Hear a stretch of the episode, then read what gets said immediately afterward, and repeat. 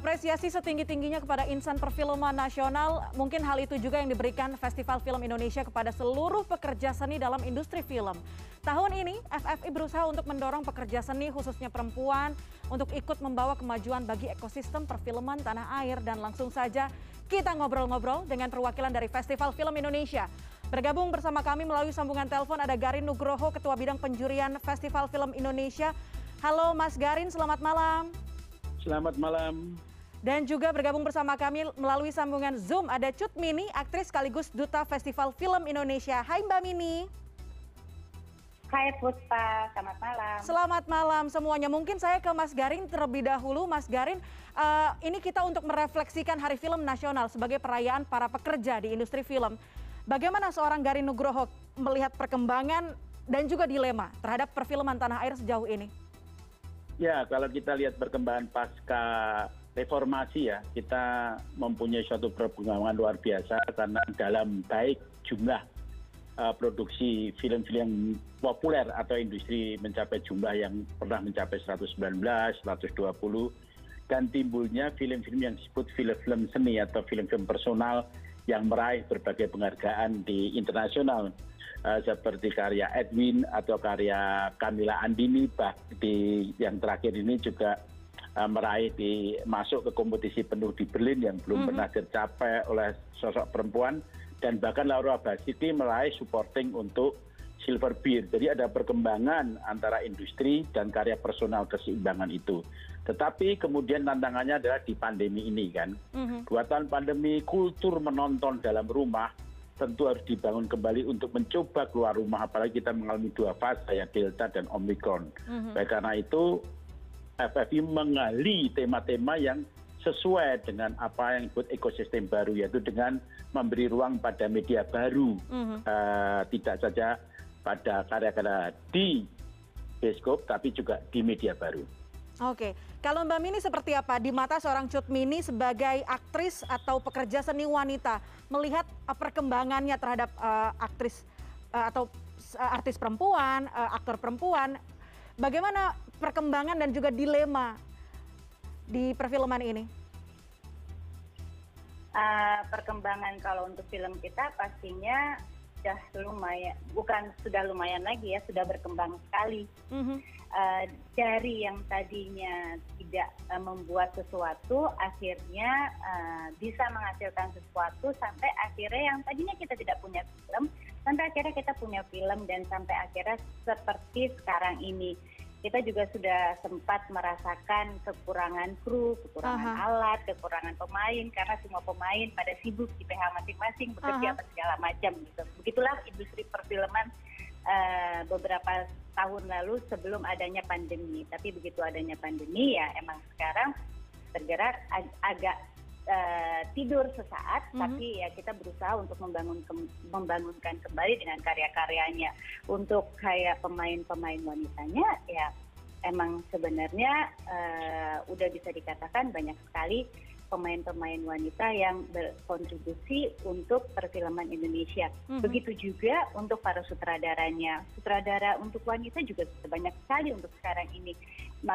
bahkan yang muda-muda pun sudah sudah menunjukkan karya-karya hebatnya uh, sampai ke dunia luar seperti itu. Oke, kalau berbicara soal kontribusi perempuan dalam industri perfilman, uh, Mbak Mini, kita tahu tema tahun ini dari ffi adalah perempuan citra karya dan karsa sebagai duta ffi hmm. bagaimana melihat kontribusi perempuan apakah sudah cukup dihormati oleh oleh para laki laki terhadap tugas dan tanggung jawab yang diemban dalam industri ini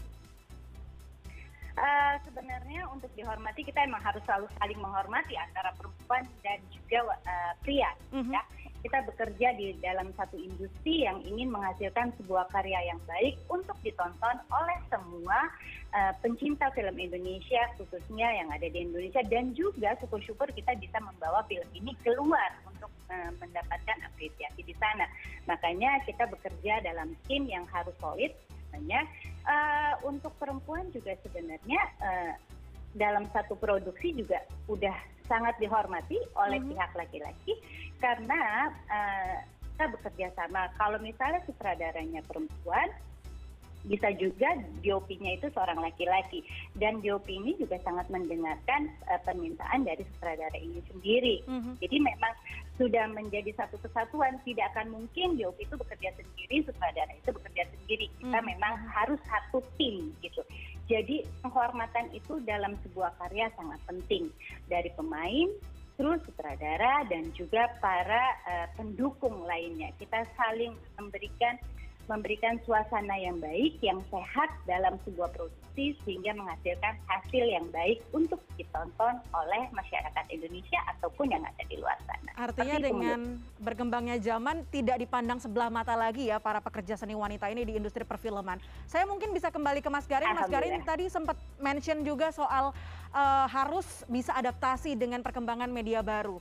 Nah sebetulnya uh, apa sih yang dibutuhkan untuk filmmaker bisa bersaing dengan karya-karya dari luar karena kita tahu sekarang kita duduk di rumah nonton TV nonton streaming mungkin harus berkompetisi dengan banyak sekali karya dari uh, luar.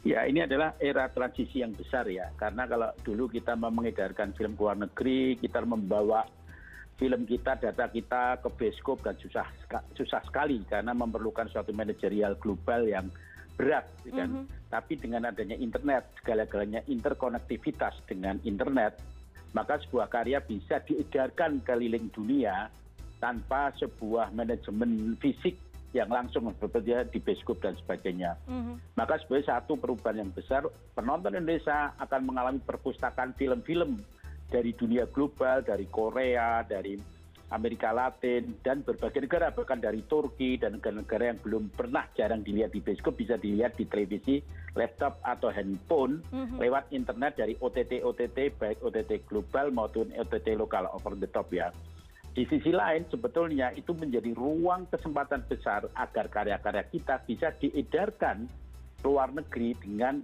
segala-galanya lewat interkonektivitas internet ini. Nah, contohnya lah kita bisa nonton banyak sekali hampir 40 persen penduduk kita menonton film Korea. Mm-hmm. Dia memasarkan lewat OTT yang bisa diakses di laptop, handphone maupun di televisi. Tetapi pada titik tertentu ada kompetisi pada kualitas untuk menjadi global. Mm-hmm. Rata-rata karya-karya Indonesia yang diputar di OTT global masih bersifat regional, tidak diputar internasional, hanya satu dua aja yang diputar internasional. Jadi kesempatan pasar yang lebar lewat internet ini harus disertai kemampuan produksi yang kualitasnya global.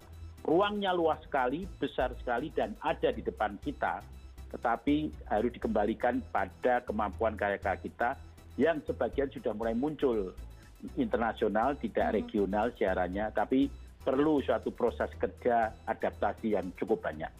Oke, dengan luasnya ruang dan juga perkembangan teknologi yang semakin membuat industri ini kompetitif begitu harus ada dorongan termasuk juga dari pemerintah yang bisa mendorong supaya kualitasnya lebih bagus lagi, lebih baik lagi termasuk dengan FFI ya juga bisa mendorong atau menginspirasi uh, paling tidak supaya bisa lebih uh, memiliki nilai lebih lah untuk film-film Indonesia di mata internasional. Karena waktu kita terbatas, mohon maaf Mas Garin, uh, seru sekali perbincangannya, tapi mungkin nanti kita bahas lagi kali ya, bisa bahas lagi soal FFI ke depannya seperti apa. Mas Garin Nugroho, Ketua Bidang Penjurian FFI, terima kasih banyak sudah bergabung bersama kami.